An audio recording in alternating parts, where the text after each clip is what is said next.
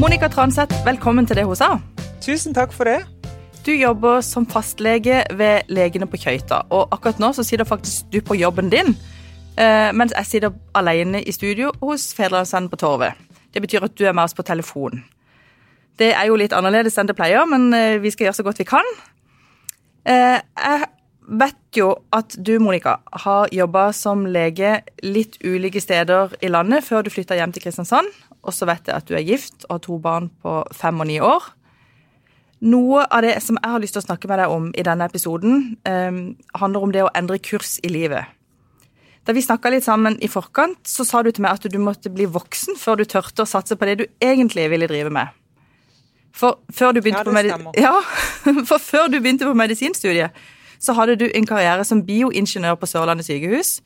Og etter det så begynte du på IT-studier og jobba som IT-konsulent.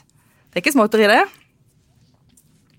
Ja, nei, jeg tenker at uh, det kan vel hvem som helst gjøre. Jeg tenker ikke på at det er noe sånn stort, men, uh, men for meg tok det iallfall noen år før jeg fant ut hva jeg egentlig hadde lyst til å gjøre i livet. Selv om det var det som var uh, kanskje drømmen min i utgangspunktet, men den, den, var vanskelig å følge når du var 18 og uerfaren og kanskje ikke hadde den backinga du trengte, da.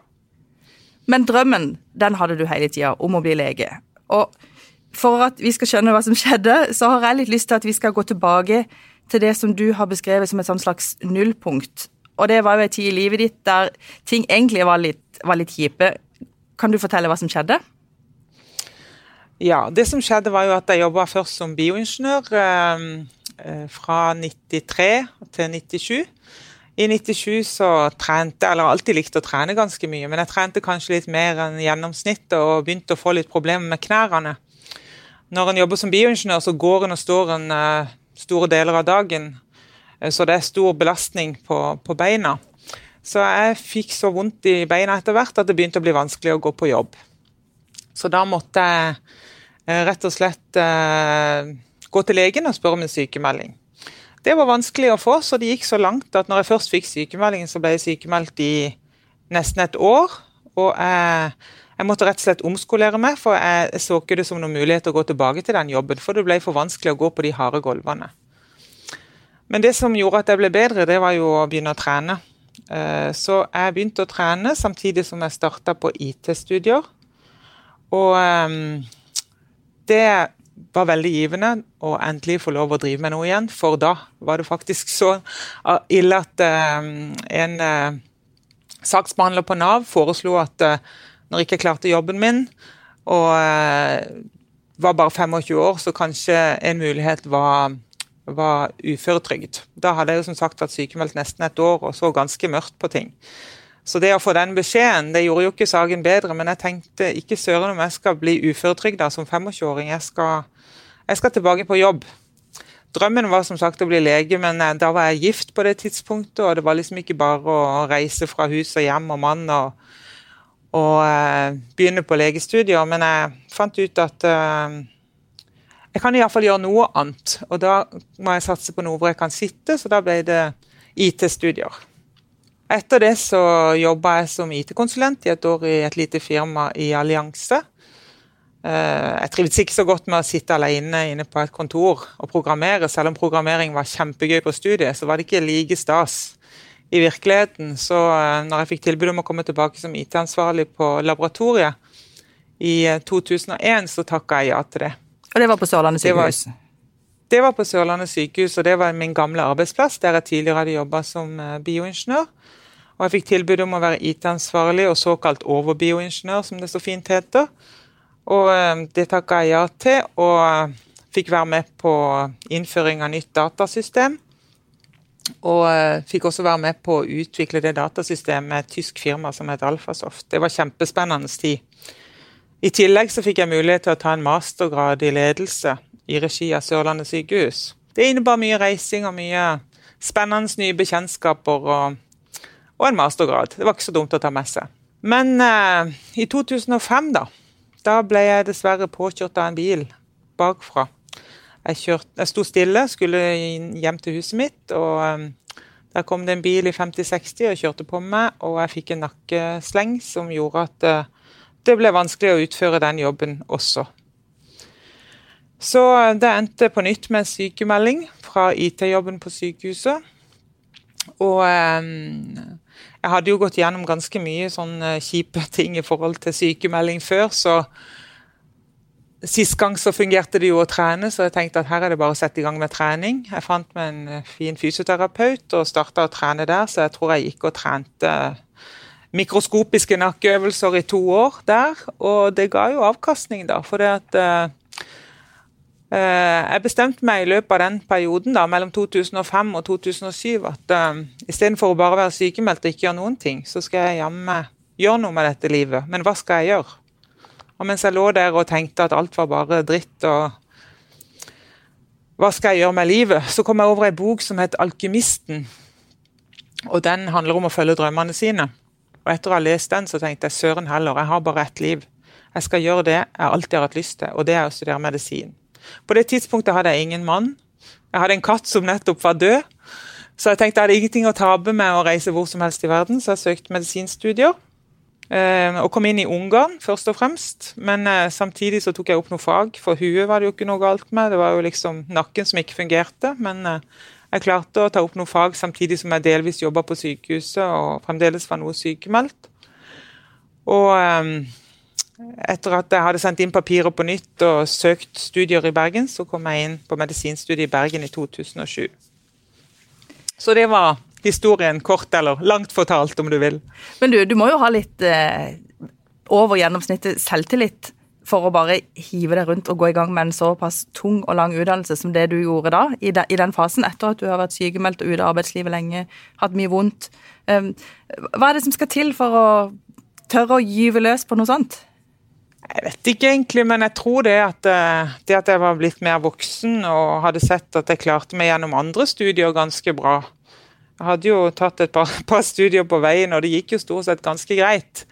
Så tenkte jeg vel at uh, hvis andre kan bli lege, så kan vel jeg òg. Mens når jeg vokste opp og var sånn 18 og tenkte å snakke om legestudier hjemme, så har jeg jo ei mor som har jobba på poli i 30 år, og som kanskje Eller hun har jobba i 40 år, da, hun var der hele arbeidskarrieren sin.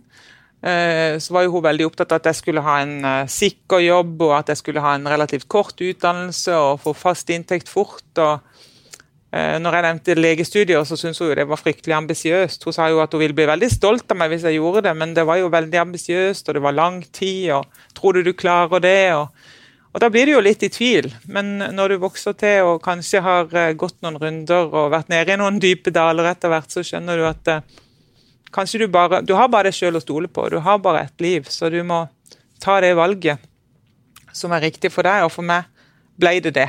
Eh, hva, hva sa folk rundt deg når du valgte å, å begynne på det studiet? Nei, noen, De fleste var jo veldig sånn Øy, så tøft, det var jo kult. Og de som kjente meg godt, sa ja, men dette hadde du alltid hatt lyst til, så gøy at du endelig gjør det. Men det var jo ikke alle som var så positive da. Jeg hadde jo en sjef uh, som sa f.eks. at uh, Tror du du klarer det? Og det var etter at jeg var kommet inn på studiet. Tror du du klarer det? Du må jo vite at det er veldig vanskelig og det er et tøft studium. og Tror du virkelig at du klarer det? Men, eh, men det, eh, mora di, da? Hva, hva, sa hun?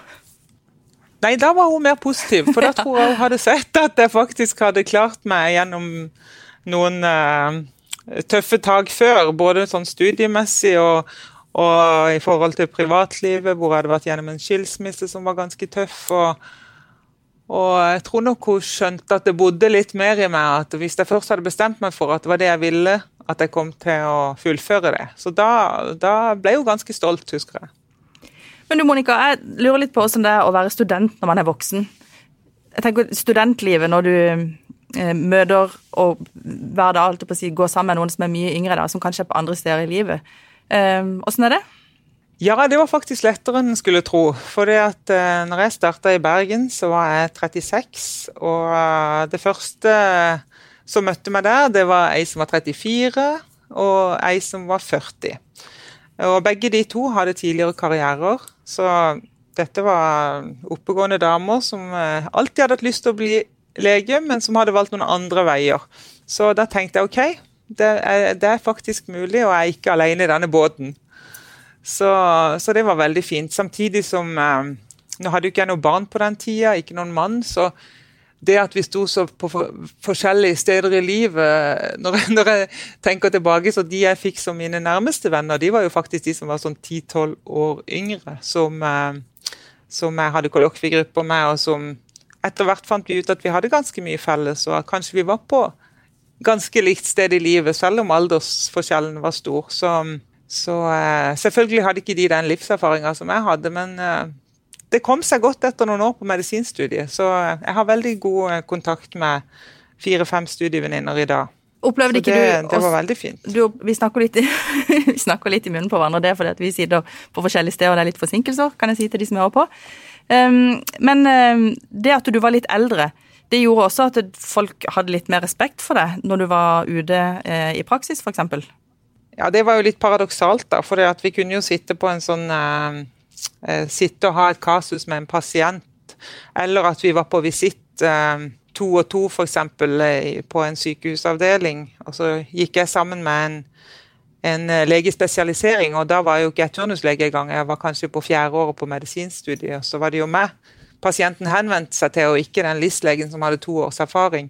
Så mm, det, det var jo litt sånn paradoksalt. Og, men jeg kunne jo også oppleve det at når jeg da var i turnus på, på Drammen sykehus f.eks., eh, og var på akuttmottaket eh, de, de, trodde jo sjelden at det var, var dama som kom inn, som var legen. For der var det bare mannlige sykepleiere. Så når kommer legen? Ja, men det er meg som er legen. Så, så det går liksom begge veier, det der. Men du, Monica, Hva var det som gjorde at du hadde så lyst til å bli lege? Det var vel først og fremst det å, å kunne hjelpe folk, eller kanskje gjøre en liten forskjell. Vet ikke. Eh, det var, liksom, det var liksom det jeg hadde lyst til å gjøre. Det, og, og, så syns jeg det, det, er så spennende fordi du blir liksom aldri utlært. Eh, det jeg syns var litt kjedelig med å være bioingeniør, uten forkleinelse for det faget, for det var veldig spennende, det òg, eh, det var det at når jeg hadde jobba der i to år, så begynte folk som hadde jobba der i 20 år, å spørre meg om ting. Og da tenkte jeg at hvis ikke jeg skal komme lenger enn dette, hvis ikke det er mer å lære nå, så blir det veldig kjedelig. Jeg må ha mer å lære. Jeg syns det er veldig spennende å lære nye ting. Så jeg har jo blitt litt mobba for det, da, at jeg kunne jo vært evig student. Eh, og det kunne jeg nok ikke, for nå, nå syns jeg det er veldig greit å være der jeg er. Men jeg liker veldig godt eh, sånn som med allmennpraksis, at det alltid er noe nytt å lære. Det er alltid noe nytt jeg må sette meg inn i. Jeg blir aldri utlært 100% liksom. Det liker jeg veldig godt. Så det å være lege, det er litt som å være på skolebenken fremdeles? På en måte, ja vi må jo ta kurs eh, for å kunne for å kunne jobbe som fastlege, så må du bli spesialist i allmennmedisin. Og i det innebærer kurs eh, av ymse slag eh, og diverse grupper med andre leger, og så og så mange poeng må du ta i løpet av de første fem årene. Og så når du er ferdig spesialist, så for å opprettholde spesialiteten, så må du fortsette med kurs. Så du er liksom hele tida pålagt å, ha, ha, å holde deg oppdatert, da på det som skjer. Og det syns jeg er veldig bra. Du, til andre som hører på, som kanskje sitter i en jobb som de egentlig er litt lei av, eller kanskje de har følt litt sånn som du at de valgte noe eh, veldig tidlig som kanskje ikke var det riktige. Um, hva vil du si til de som går med en sånn hemmelig drøm om en annen utdannelse? Hva, hva, hvor skal de starte? Jeg tenker at uh, Da er det lurt å starte med å undersøke litt uh, hva må du gjøre for å komme dit. For å for å leve ut den drømmen. For det er faktisk mulig. Det er jo sånn at det er jo bare en sjøl som er den, sin største kritiker. Så jeg tenker at uh, ofte handler det om å, å, bestemme seg. Jeg tenkte jo alltid at det var så vanskelig å komme inn på medisinstudiet, for jeg måtte ta opp fag, og jeg måtte ditten og jeg måtte datten, og det var jo så lang tid. Og... Men når det kom til stykket, så var det egentlig bare å bestemme seg for at det er det jeg skal gjøre. Og den veien må jeg gå for å gjøre det. Og når jeg da hadde bestemt meg, så var det faktisk ikke så vanskelig. Og vi har jo bare ett liv. Jeg tenker ett liv. Lev det livet. Og gi litt mer F i hva andre tenker om det. Om du så begynner på en studie, ny studieretning når du er 40 eller 45 eller 35 eller 50 for den saks skyld. Poenget er jo at du har det bra i livet. Det er iallfall eh, det jeg tenkte når jeg tok det valget. Og så vet vi jo det at det å ha en jobb å gå til, det betyr mye for helsa. Eh, og så er det jo noen ganger sånn i livet at eh, psykisk eller fysisk helse gjør at man blir litt satt ut, man blir satt litt på sidelinja. Og vi vet at Sørlandet sånn sett ligger ganske dårlig an statistisk sett. Vi har mange som, som ikke jobber. Um, og du som lege treffer jo helt sikkert en del av de som enten er sykemeldte, lurer på om de, om de kan jobbe videre, lurer på om det er noen vei for de um, ja, enten i den jobben de er nå, eller om de må gjøre noe helt annet, eller om de kanskje ikke kan jobbe videre. Hvordan bruker du din erfaring um, for å hjelpe de videre? Jeg prøver jo å si det samme som jeg sa i stad, at uh, vi har jo bare ett liv. Og, og, um, og, selv om det føles håpløst nå, så er det mulig å få det bedre. Uh, men kanskje, hvis det er vanskelig å stå i den jobben du står i i dag, kanskje du må finne en helt ny vei. Kanskje, det er, kanskje ikke det, det er dette du skal drive med. Men eh, som du sa, så er jo Dette bruker jeg veldig mye. Det at eh, den, eh, Det å være i jobb, det er veldig viktig for den psykiske helsa vår. Og så bruker jeg også veldig mye det som jeg sjøl eh, fant ut av, da, at det å være fysisk aktiv også er veldig viktig for den psykiske helsa vår og for velværet vårt. Så, så det å, å, ha en jobb å gå til, det å liksom ha rutiner på trening, det å være med andre folk, ja, det å liksom være en del av livet, da. Det, det, det, er det det handler om for å få et bra liv. Og det å stå utenfor arbeidslivet, det, det tar fra deg veldig mange goder, da. Ikke bare den goden med at du får mindre inntekt, men ikke minst den goden du har i, for, i form av sosialt samvær med andre mennesker. Og det tror jeg mange ikke tenker over når de liksom blir sykemeldt over lengre tid, at jo lengre de er sykemeldt, jo større sjanse er det for å ikke komme tilbake til arbeidslivet, særlig når du blir litt eldre. Så jeg tenker at det handler om å, ta et valg. Hva vil du med livet ditt? Hva, hvor ønsker du? Nå er du her. Hvor ønsker du å se deg sjøl om ja, tre eller fire eller fem år? Av og til man kanskje gå noen sånne runder. Og, og, hvis du ikke ønsker da å, å bli uføretrygda, men du ønsker å være en del av livet og ha et godt liv, så må du kanskje gjøre noen valg som er litt tøffe der og da, men det betaler seg høyst sannsynlig på sikt, tenker jeg. Men hva kan arbeidsgivere gjøre for å sørge for at det skal bli lettere å komme tilbake eh, til jobb for de som kanskje er sykemeldte? Jeg tenker at arbeidsgivere er viktig i form av at de, de kan tilrettelegge de kan vise forståelse for at uh, folk kan gå på en smell. Det er ikke dermed sagt at de er late eller ikke orker å jobbe. Eller, for det, det, kunne jo jeg kjenne litt på sjøl, spesielt når jeg var sykemeldt. Ja, både med knærne og med nakken, egentlig. At folk kan ikke se det på en at du har vondt i knærne, eller at du har vondt i nakken, eller at du blir fort sliten og får hodepine. Det kan ikke uh, de andre som jobber på samme sted, se. Så du føler deg jo kanskje litt sånn uglesett. Men det at kanskje arbeidsgiver kan vise forståelse for at nå er det vanskelig. Så kanskje vi kan tilrettelegge eh, at du kan komme litt tilbake i jobb. Ofte så prøver jeg, når jeg sykemelder folk, å få de litt tilbake i jobb så fort som mulig. For vi vet det at jo lengre folk er ute av arbeidslivet, 100% jo vanskeligere er det å komme tilbake til jobb. Den dørstokkmila blir så lang og tung hvis du har vært hjemme eh, innenfor husets fire vegger over flere måneder. ikke sant? Men hvis du bare kommer litt tilbake i jobb, eh, 20% f.eks., så, så er det mye lettere å øke den prosenten og komme fullt tilbake i jobb på sikt. da. Og det, det må jeg bare rose min tidligere sjef også. Eh, nå sa jeg noe negativt i stad, det var en annen sjef, men, men eh, min tidligere sjef på, um, på, sykehuset sa til meg at eh, eh når jeg satt hjemme og var fullt sykemeldt. Kan du ikke bare komme litt på jobb, da? Bare 20% to halve dager f.eks. Bare sånn at vi kan se deg litt. Det er ikke så mye du trenger å gjøre, bare være her litt. Og du har jo mange venner her. Og, og det gjorde jeg, og jeg er så glad for at hun pusha meg på det. Selv om der og da føltes det litt sånn vanskelig og tungt at hun pusha meg. Men jeg er så glad og takknemlig for det.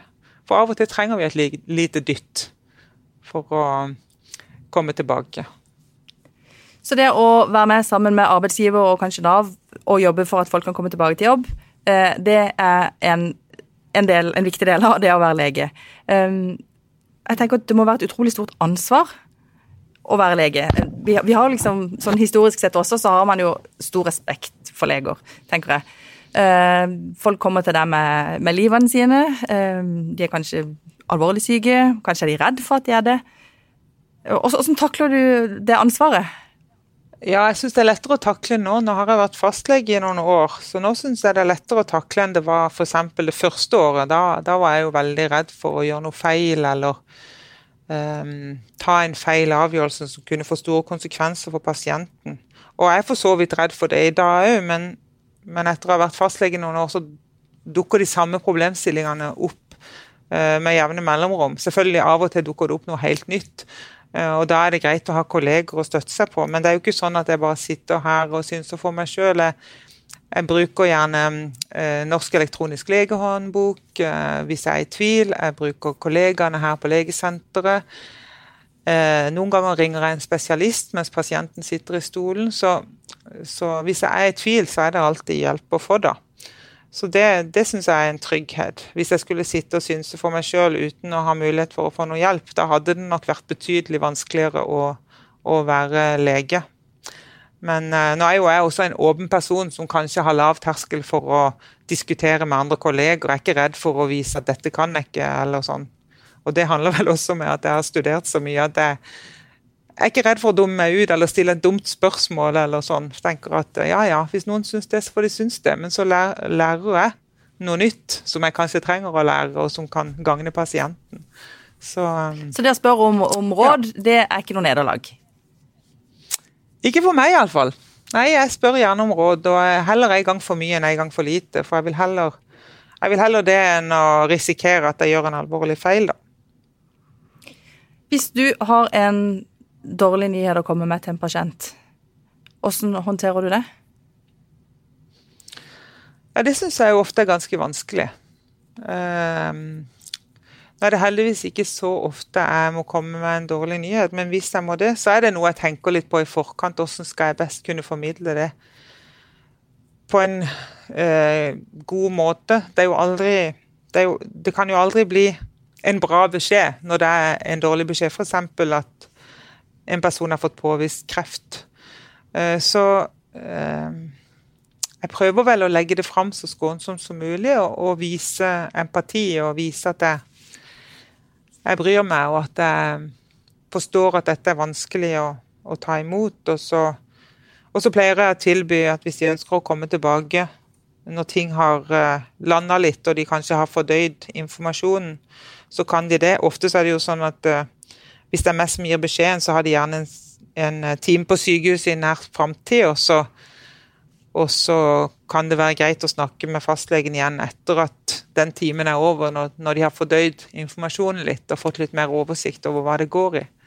Så jeg pleier egentlig å tilby oppfølgingssamtale, da. Men uh, jeg syns ikke det er lett. Og det tror jeg aldri blir lett, og det tror jeg ikke skal være så lett heller. For hvis det hadde vært en lett sak, så hadde du jo kanskje tatt litt for lett på på den jobben en har, da, tenker jeg. For det er jo noe som angår Det er jo en viktig ting som angår mennesker og liv og død, ikke sant. Og da må vi, må vi vise empati og at vi bryr oss, tenker jeg. Og hva er det aller beste med å være lege, Monica? Nei, Det er jo muligheten til å bli kjent med så mange fine mennesker, og, og muligheten til å, å, hjelpe, da. Det liker jeg. Jeg liker at eh, at jeg sitter på en kunnskap som andre kan få, og som de kan eh, dra nytte av. Og noen ganger syns jo jeg at jeg, jeg, gjerne kommer med helt sånn dagligdagse råd.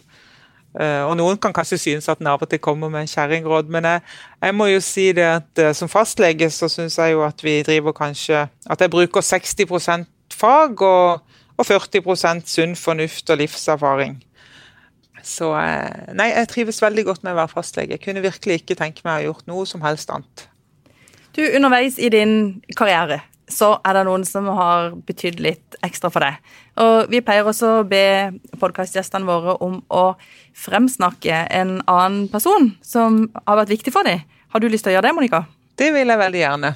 Da vil jeg gjerne framsnakke ei eh, god venninne av meg som jeg har kjent siden barndommen, faktisk. Eh, etter å ha vært enhetsleder på akuttambulant team så eh, i flere år, så har hun nå starta som avdelingssjef på Sørlandet sykehus. og er avdelingssjef for uh, psykiatrisk sykehusavdeling i Arendal og Kristiansand. Hun heter Linda Esperås. er alenemor, og uh, hun hadde helt fra Jeg husker helt fra jeg ble kjent med henne på barneskolen, at hun snakka om at det var psykolog hun skulle bli. Ferdig med det.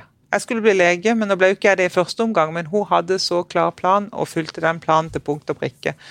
Hun tok først sykepleierutdannelse, og mens hun studerte psykologi, så jobber hun som sykepleier ved siden av for å finansiere studier. Jeg tror ikke hun hadde en krone i lånet da hun var ferdig.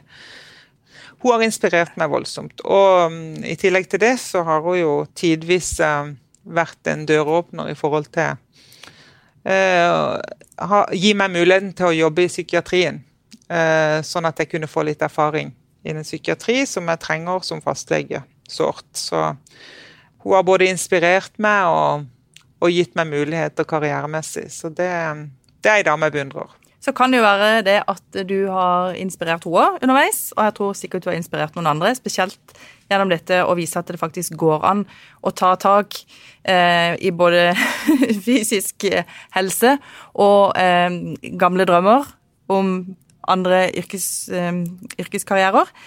Eh, jeg tenkte at du til slutt skulle få lov til også å komme med et eller to råd som andre kan ha nytte av. Hva vil du dele? Eh, det jeg vil dele først og fremst, det er at du skal følge drømmen din. Eh, les boka til Paulo Coella som heter 'Alkymisten'. Hvis du har en drøm, så tror jeg du får inspirasjon til å følge den. Og så uh, syns jeg du skal gi litt mer F. Ikke bry seg så mye om hva andre mennesker sier. Her på Sørlandet er vi kanskje litt sånn opphengt i den janteloven. Så gi litt mer blaffen og gjør det du har lyst til, i større grad. Uten å tråkke på andre, selvfølgelig, men Gjør det du har lyst til. Ikke bry deg om hva andre sier eller tenker eller mener om det. Det er mitt råd. Tusen takk, Monica Transeth, for at du ville være med i podkasten. For at du ville dele din erfaring. Takk for at jeg fikk være med. Det var spennende. Du har lytta til Federlandsvennens podkast 'Det hun sa' med Birgitte Klekken. Har du tips til andre bra damer vi vil snakke med, eller har du lyst til å dele inspirerende erfaringer fra ditt arbeidsliv? Ta kontakt på det hun sa fun.no.